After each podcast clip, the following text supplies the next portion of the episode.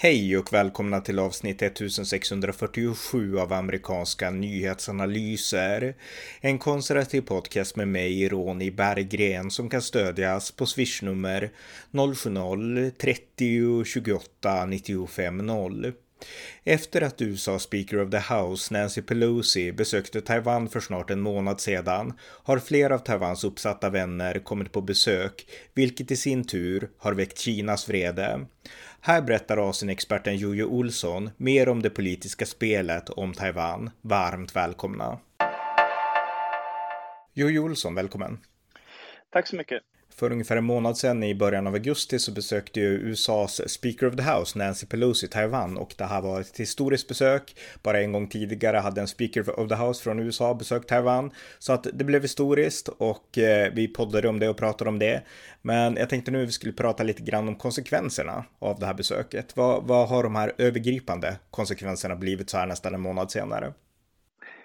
På förhand innan Pelosi besökte Taiwan så var ju Kina ute och Eh, hotade flera gånger och sa att eh, det här kommer få ja, ospecificerade militära konsekvenser. Då. Man lovade att militären skulle inte sitta vid sidan av och se på och, och man varnade med väldigt eh, aggressivt tonläge då, upprepade gånger från både Kinas försvarsministerium och utrikesministerium. Och det har även kommit fram nu i efterhand att eh, Xi Jinping, Kinas president, när han pratade med Joe Biden på telefon eh, i juli då precis innan besöket, så hade han också försökt uppmana Joe Biden personligen då att avstyra det här besöket.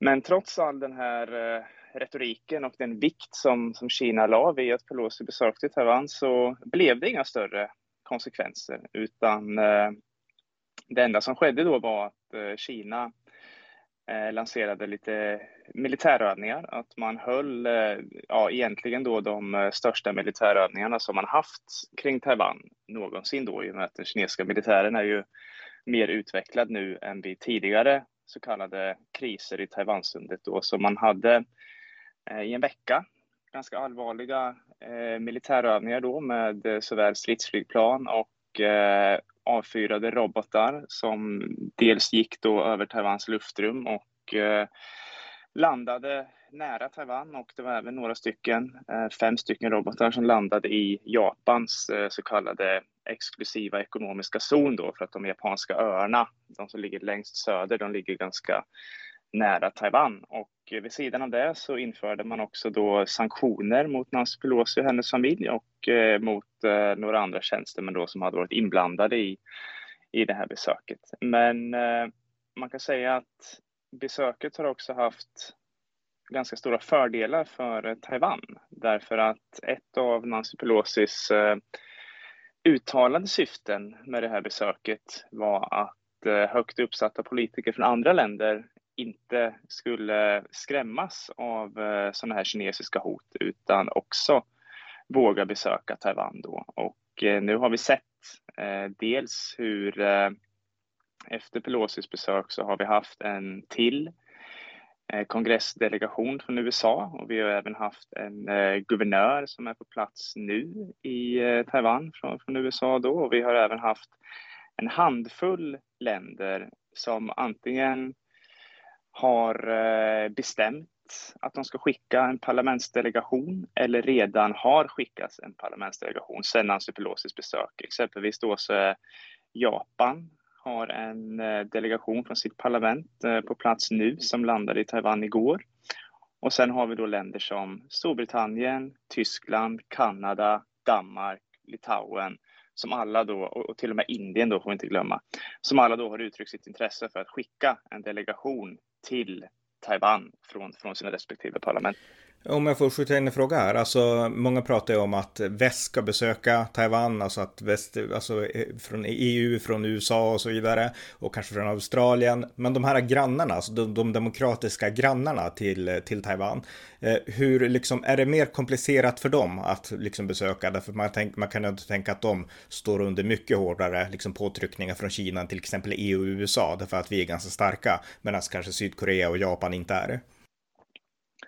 Vi har ju kunnat sett en tydlig förflyttning vad gäller Japans position de senaste åren. Och eh, det har att göra med att eh, ja, även Japan har ju territoriella konflikter med Kina. Och Kina har även där blivit mer aggressiva. Så från Japans håll så har man då förstått att det är svårt att eh, resonera med, med Kina på fredlig väg så att säga, utan de här hoten från Kinas militär måste bemötas med eh, en upprustning på egen hand eller att man i alla fall då sätter hårt mot hårt. Så från Japans håll så har vi sett de senaste, ja, framförallt de senaste två, tre åren så har vi sett en eh, tydlig eh, motståndsvilja mot Kinas framfart. Och det är just därför nu som vi har en eh, japansk delegation på plats i Taiwan just nu medan vi pratar. Och eh, det har också att göra med att, som vi nyss nämnde, de här eh, militärövningarna som Kina hade då eh, i början av augusti, att eh, det landade fem stycken kinesiska robotar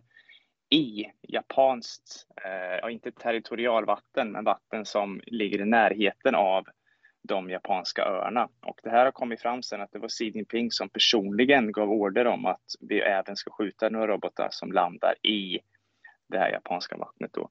Och vi har givetvis sett då att Japan har ju inte bara rört sig närmare Taiwan utan även rört sig närmare USA, både militärt och eh, politiskt. Eh, vad gäller eh, Sydkorea så har man ju där i fem år, ända tills tidigare i år, haft en, eh, som jag säger, mer liberal, vänsterorienterad president som har haft då som uttalad politik att försöka hitta en slags mellanväg mellan Kina och USA. Och framförallt då eftersom Sydkorea också är väldigt ekonomiskt beroende av Kina så har den här presidenten då som styrde de senaste fem åren, han har svävat lite på målet när det kommer till att eh, ja, visa stöd för Taiwan eller, eller till och med då att göra gemensam sak med USA för att motsätta sig Kinas framfart. Men nu har Sydkorea sedan i eh, vintras, i mars om jag inte minns fel, haft en konservativ president då som vann valet då. Det är bara början av hans eh, femåriga mandatperiod, men han har i alla fall uttalat att han vill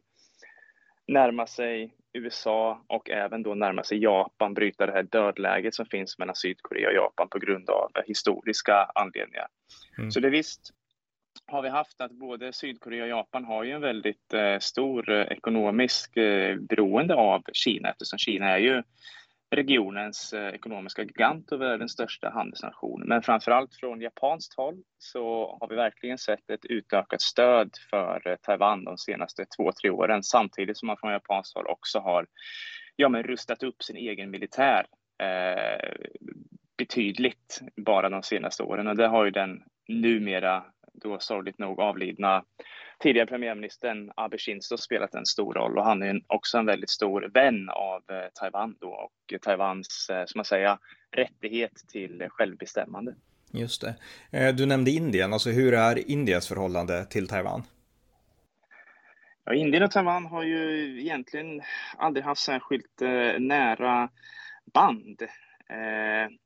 Men nu har vi sett då att i takt med att Eh, Kina och Indiens eh, relation har eh, förvärrats betydligt på grund av de här gränsstriderna som vi har haft, alltså regelrätta strider med flera dödsoffer på eh, gränsen där och i Himalaya, Himalaya heter det på svenska, i bergen där mellan Kina och Indien. Då har ju många politiker i Indien föreslagit då att man ska närma sig Taiwan, dels som ett litet svar på den här kinesiska aggressionen, men även då för att det finns fördelar med utbyte med, med Taiwan också, givetvis. Eh, vi har ju halvledare och mikrochip, men även inom miljöteknikområde och annat sånt där. Så det finns från vissa håll då i Indien också en eh, ökad eh, ja, med medvetenhet och vilja att närma sig Taiwan ekonomiskt. Och dessutom då så driver ju Taiwans nuvarande regering sedan några år tillbaka en eh, policy som, eh, som då heter New Southbound Policy, ungefär den nya sydligt riktade politiken. Och, och den här syftet med den här politiken då är att minska beroendet av Kina från Taiwans håll genom att utöka, främja den bilaterala relationen med andra länder i regionen. Och där är Indien ett av de länderna som pekas ut då som Taiwan ska närma sig för att minska beroendet av Kina. Så det finns en man säga, ömsesidig, eh, ett ömsesidigt syfte mellan eh, Indien och Taiwan att också närma sig själva för att ja, men helt enkelt minska beroendet eller eh, minska det här samarbetet med Kina som, som inte är särskilt stabilt då i grunden. Mm. Eh, Okej, okay. men eh, Pelosis besök, det har väl förmodligen bara stärkt de här ländernas önskan att fortsätta den här, det här samarbetet då med Taiwan. Men eh, ja, om vi, om vi går vidare lite grann, alltså, eh, du nämnde de här eh, militärövningarna från Kina. Har tonen skärpts på något annat håll från, från Kinas sida nu när de också kan se att fler, alltså fler ledare och fler representanter från andra länder följer Pelosis exempel? Ja, det blir ju knivigt givetvis från kinesiskt håll i och med att eh, ju fler länder som skickar delegationer till Taiwan, desto svårare blir det ju från Pekings håll att straffa alla de här delegationerna, alla de här länderna. Och det var väl en del av vad Nancy Pelosi hoppades eh, på med sitt besök, att man skulle normalisera då, så att säga, de här eh, eh besöken till, till Taiwan. Och ju fler som besöker, så blir det en sån effekt att det blir inget onormalt med, med de här eh, parlamentsdelegationerna som åker till Taiwan. Vi kunde ju se att eh, ja, knappt två veckor då efter att Pelosi var i, i Taipei så eh, ledde ju en amerikansk eh, senator då eh, en ny eh, kongressdelegation till Taiwan och då sa man då från kinesiskt håll att nu ska vi förbereda nya militärövningar och då hade man ju redan haft de här stora militärövningarna. Så det svaret som man som man då gav då, det gensvaret, det blev ju inte lika drastiskt så att säga. Och i den här ekvationen så måste man då tillägga att eh, Kina står i en väldigt känslig politiskt skede just nu. För att i höst då, oktober eller november, sannolikt november, så kommer kommunistpartiets 20 partikongress att hållas och där ska ju då Xi Jinping eh, sannolikt då utses till eh, Kinas ledare på en tredje mandatperiod. Och inför den här kongressen så hålls det ju en, ja, men en politisk kohandel mellan de olika fraktionerna inom kommunistpartiet. Så de senaste två veckorna, eh, det här mötet då, som man har haft de senaste två veckorna i eh, partiet, eh, då har man hållit till i en badort som heter Beidaisjö i norra Kina, där man då varje år åker för att eh, ja, men helt enkelt eh, hålla på och diskutera den politiska inriktningen för kommande år. Och det här mötet, eh, en period i Kina där man under två veckor ungefär då eh, högsta ledarskapet helt sluter sig och samlas i den här badorten och inte ens de statliga medierna rapporterar om vad som händer och vad som diskuteras, utan det här är ett väldigt ja, men, typiskt maktmöte bakom lyckta dörrar. Då. Mm. Och eh, un under den här tiden som det här mötet har pågått, alltså de senaste två veckorna eh, med slut då någon gång till, till förra helgen, då, då har, man, har det varit svårare för Kinas ledning att eh, gemensamt utarbeta någon form av reaktion, någon form av mot, motåtgärd på alla de här delegationerna som nu kommer till Taiwan för att man har helt enkelt varit upptagen med att eh, staka ut sin egen maktpolitik inför den kommande partikongressen. Och vid sidan av det givetvis så har vi också en ekonomisk kris nu som pågår i Kina som är väldigt allvarlig och det, det ligger mycket på de kinesiska ledarnas bord som gör att de här besöken kommer väldigt olägligt och det är väldigt svårt för Kina att snabbt utarbeta en reaktion. Mm. Men kan man då säga att i den här dragkampen om Taiwan mellan Kina och väst, eller alltså inte bara väst utan även liksom Taiwans andra allierade, att om vi nu säger väst, att väst har ändå vunnit. Det, det är alltså vi har gått liksom som någon slags segrare ur det här. Alltså det vart, eh, det vart till vår fördel att Pelosi gjorde det här besöket. Det är alltid svårt att komma till en sån slutsats så pass kort tid efter besöket. För å ena sidan, som vi har diskuterat här, då, så är det ju klart fördelaktigt att man på något vis har normaliserat de här eh, besöken till Taiwan. Att sannolikt så kommer politiker från fler länder då våga åka och hälsa på Taiwan eftersom man såg att trots de här kinesiska hoten mot Nancy Pelosi så blev det ändå inga allvarliga konsekvenser. Och då har vi ju kunnat se att Kina har ju verkligen fört en eh, politik och de här motåtgärderna där man skjuter sig själv lite i foten då. För att den här japanska delegationen som var i Taiwan, de sa ju tidigare idag då eh, när de hade samtal med eh, Taiwans president och när de gjorde de här gemensamma uttalandena då att eh, ja, Kinas agerande är oacceptabelt då för att använda en äh, familjär term. Men det är oacceptabelt äh, både för Taiwan och Japan. Och då nämnde man ju också de här äh, robotarna som Kina då tidigare i månaden avfyrade som landade i japanska vatten. Så de här starka eh, motåtgärderna som även drabbat Japan har ju också lett till Eh, ja, kontraproduktivt helt enkelt. Så på ett vis har ju väst eller Taiwans allierade gått segrande ur den här situationen på så vis. Men sen har vi ju vad andra analytiker eh, pekar på då att eh, Kina har ju fått en förevändning att ägna sig åt de här stora omfattande militärövningarna som kan beskrivas som en slags generalrepetition inför ett militärt agerande mot Taiwan. Eh, vi kunde se då i början av augusti när de här militärövningarna pågick då att det såg ut som att man tränade på att eh, omringa Taiwan, att göra en blockad av Taiwan helt enkelt. Så man kan använda de här besöken som en slags förevändning att ja, nu måste vi agera och hade inte Pelosi kommit, då hade de här övningarna inte ägt rum.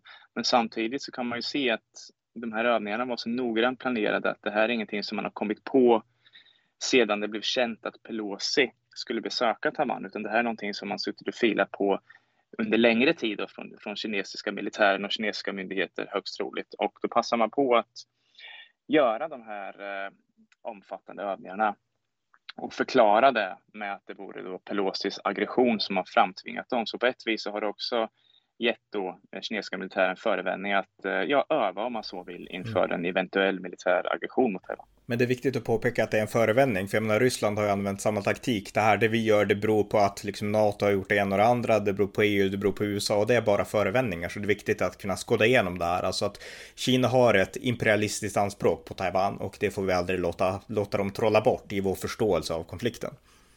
Ja, precis, och det kan man ju också se av att uh, det här besöket utgör ju egentligen inte en upptrappning därför att uh, ja, 1997 så uh, besökte ju representanthusets talman då Newt Gingrich Taiwan och då blev det inte samma reaktion. nu när samma rankade politiker besöker samma plats så har vi en helt annorlunda reaktion. Så det är Kina som står för upptrappningen i, i den här situationen. Mm, väldigt bra. Eh, en sista fråga då, alltså vart kommer det här att leda på sikt? Kommer det att leda till alltså att det blir något slags nytt kallt krig där, där USA bygger upp eller hjälper Taiwan att bygga upp försvaret i, för, på sin sida och Kina liksom bygger upp och, och sen så slutar allt i, alltså vart, vart, vart kommer det här att sluta? Ett kallt krig kan man ju säga i mångt och mycket att det egentligen redan pågår och det här är väl en del utav det här kalla kriget då mellan å ena sidan en eh, eh, allians av eh, världens demokratier då och å andra sidan en mer auktoritär axel med Kina och Ryssland och länder som Iran och så vidare som också motsätter sig eh, USA och andra demokratiska länders eh, närvaro i, i Asien. Men eh, vad det kan leda till på längre sikt, det får vi se framför allt då efter den här partikongressen som är i höst. Eh, det är först då när Xi Jinping har eh, lyckas konsolidera sin makt för ytterligare fem år som han kommer få lite mer utrikespolitiskt eh, eh, handlingsutrymme då. Eh, nu har han ju som sagt bara några månader kvar tills den här partikongressen ska hållas. Och, och inför det här eh, evenemanget då så pågår det en maktkamp givetvis inom kommunistpartiet som, som det ligger desto mer fokus på eh, just nu. Då. Men man kan ju tillägga att eh, trots alla de här hoten som eh, kinesiska myndigheter och den kinesiska militären utfärdade inför Pelosi's besök och att besöket ändå då blev av. Och sen plus att det nu kommer delegationer från en handfull andra länder innan den här partikongressen hålls då i Peking så kommer de här delegationerna besöka Taiwan. Det får också Xi Jinping att eh, sannolikt framstå som svag. Det blir lite som ett svaghetstecken då inför den här kongressen och då kan man tänka sig att det kanske är mer ag aggressiva röster inom den kinesiska administrationen och kinesiska militären som kommer att eh, sätta press på Xi Jinping att agera tuffare, agera mer resolut kring, till, ja, kring Taiwan då efter att den här partikongressen så har hållits. Så vad det leder till på sikt, eh, det är ju Kina som helt avgör hur allvarliga konsekvenser det här besöket kommer få. Därför att det är Kina och inte USA eller Taiwan som eh, har hållit de här militärövningarna. Det är Kina som har anspråk på Taiwan, inte USA eller något annat land. Så det är helt och hållet upp till hur Kina agerar och det kommer vi få se först efter den här partikongressen då i höst hur eh, samtalen har gått, vilken slags eh, press som finns då på Xi Jinping från olika fraktioner inom partiet. Och även då så har vi också att om Kina de här problemen som man har inrikes nu med ekonomin och eh, åtgärder mot covid-19, om det här missnöjet växer inrikes, då finns det ju också en ökad risk till att man kommer att agera mer provokativt kring Taiwan för att så att säga, ja, om det här klassiska, man vill sluta de inre leden genom att ge sig på en yttre fiende. Mm. Eh, som allra sista alltså, sak, USA, alltså de pratar mycket om, speciellt nu när eh, Putins operation i Ukraina ändå går ganska, alltså USA är inte rädda för Ryssland längre. Eh, så att USA fokuserar mycket mer nu på Kina och man tycker att, eh, ja, Ukraina visst, vi får fortsätta där, men, men liksom man bedömer inte att Ryssland hotar hela Europa längre.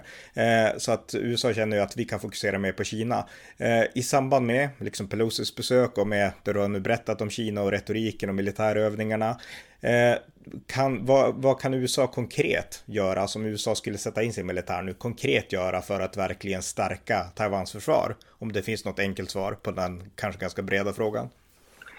Ja, det finns ju eh, två stycken huvudspår då givetvis. Det ena är ju att eh, fortsätta ja, men utrusta Taiwan för, för, för att uttrycka det plumpt. Eh, sälja vapen, fortsätta med vapenförsäljningen och eh, eh, träna taiwanesisk eh, militär, utbilda militären och, och, allt det här rent faktiska. För Taiwan har ju ökat sin försvarsbudget betydligt under de senaste åren.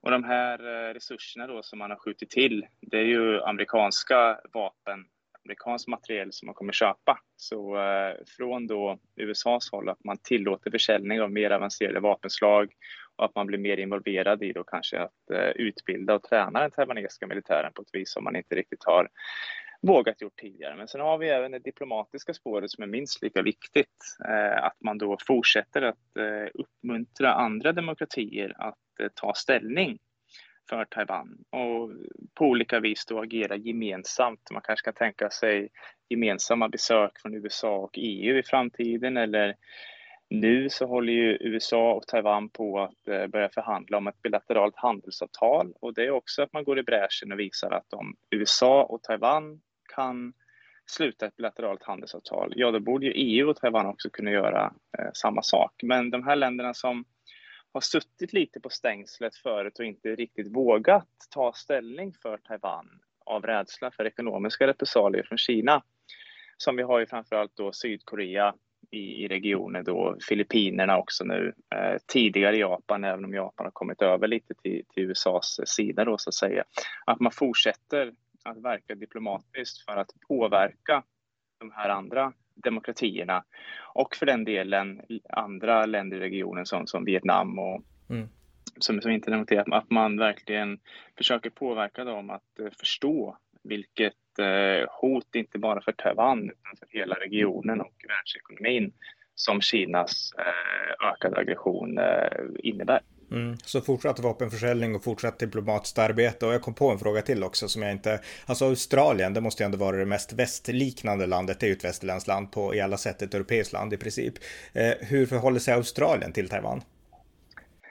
Australien har också eh, framförallt fått en ökad insikt om eh, det hot som, som Kinas eh, framfart utgör. Då. Man har ju haft ett eh, handelskrig i stort sett, eh, ett ensidigt handelskrig ända sedan eh, några månader efter pandemins utbrott där Kina då har utsatt Australien för väldigt omfattande ekonomiska sanktioner på grund av då att Australien ville ja, propsade för en internationell utredning kring, kring covid-19 och och eh, Australiens ekonomi har ju tidigare varit väldigt beroende av Kina. Och de senaste åren så har man insett att det här har lett till att Kina har fått en hållhake på oss och man har från australiensiskt håll så har pendeln verkligen slagit tillbaka och man har velat minska sitt beroende av Kina. Och eh, som, som ett steg i ledet så har man ju också närmat sig andra allierade i regionen.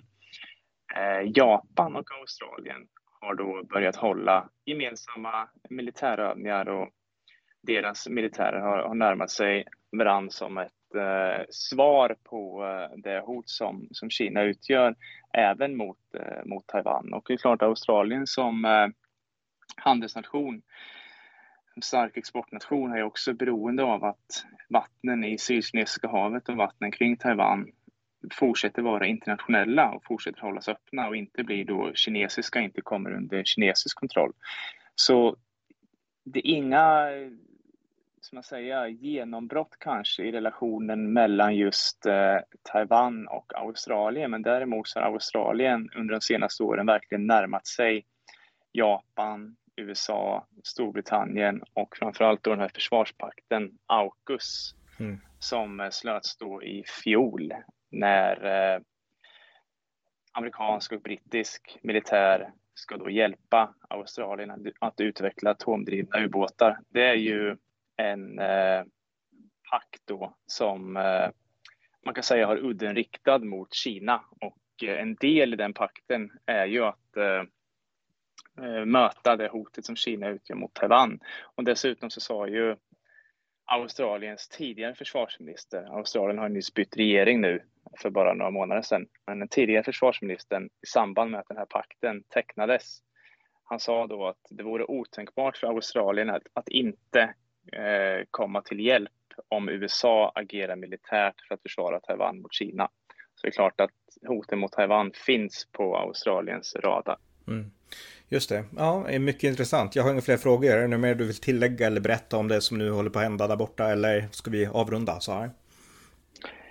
Nej, det räcker bra så här tycker jag. Och eh, jag nämnde ju Litauen tidigare att de också ska skicka en delegation nu i eh, september till eh, Taiwan och anledningen till det är ju att eh, Litauen har öppnat ett representationskontor i eh, Taipei som eh, det har varit en hel del eh, bråk omkring då för att eh, Litauen har ju även låtit eh, Taiwan öppna ett representation, representationskontor i Vilnius då, Litauens huvudstad, som har namnet Taiwan istället då för att det heter Taipeis kulturella kontor som det gör i Sverige eller Taipeis ekonomiska kontor som det gör i andra europeiska länder. Så det utgör också en slags, eh, ska man säga, upptrappning eller i alla fall ett kliv framåt i eh, en markering.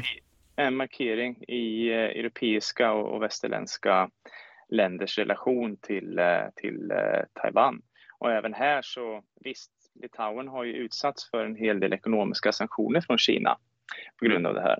Men om det då finns fler europeiska länder och fler västländer som är redo att göra likadant, att låta Taiwan få ett större, större närvaro i sina egna länder och utöka den diplomatiska relationen med Taiwan, då blir det ju samma mekanism som vi ser med de här besöken nu, att Kina kan inte straffa alla. Så länge det bara gäller ett eller två länder, ja då kan man ju sitta och föra det här handelskriget då.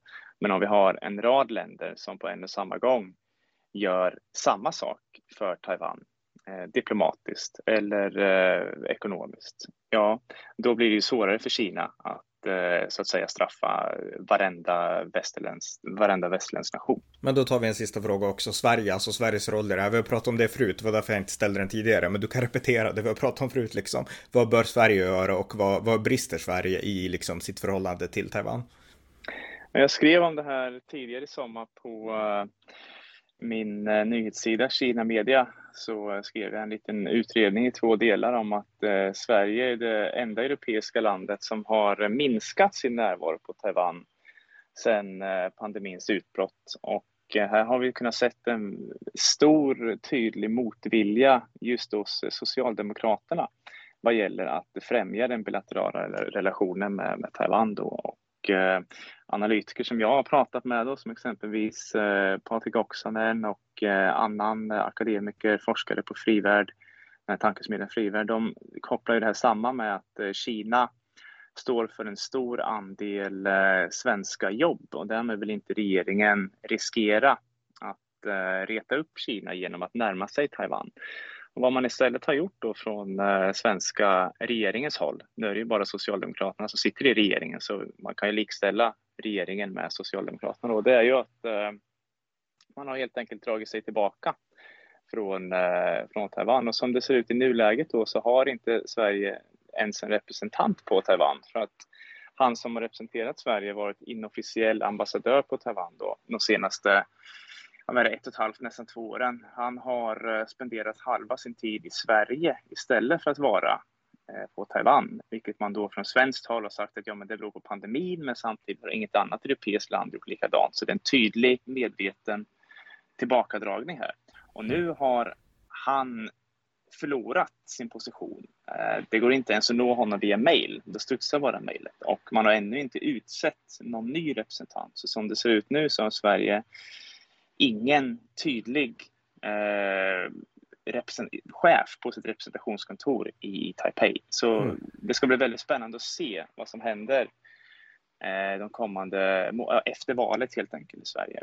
Vem man kommer då utse till ny representant på Taiwan, om man kommer fortsätta backa undan eh, och dra ner på sin diplomatiska närvaro eller om man kommer utse en ny representant som gör då att Sverige återigen då blir lika aktivt diplomatiskt från myndigheternas håll som, som de andra europeiska länderna.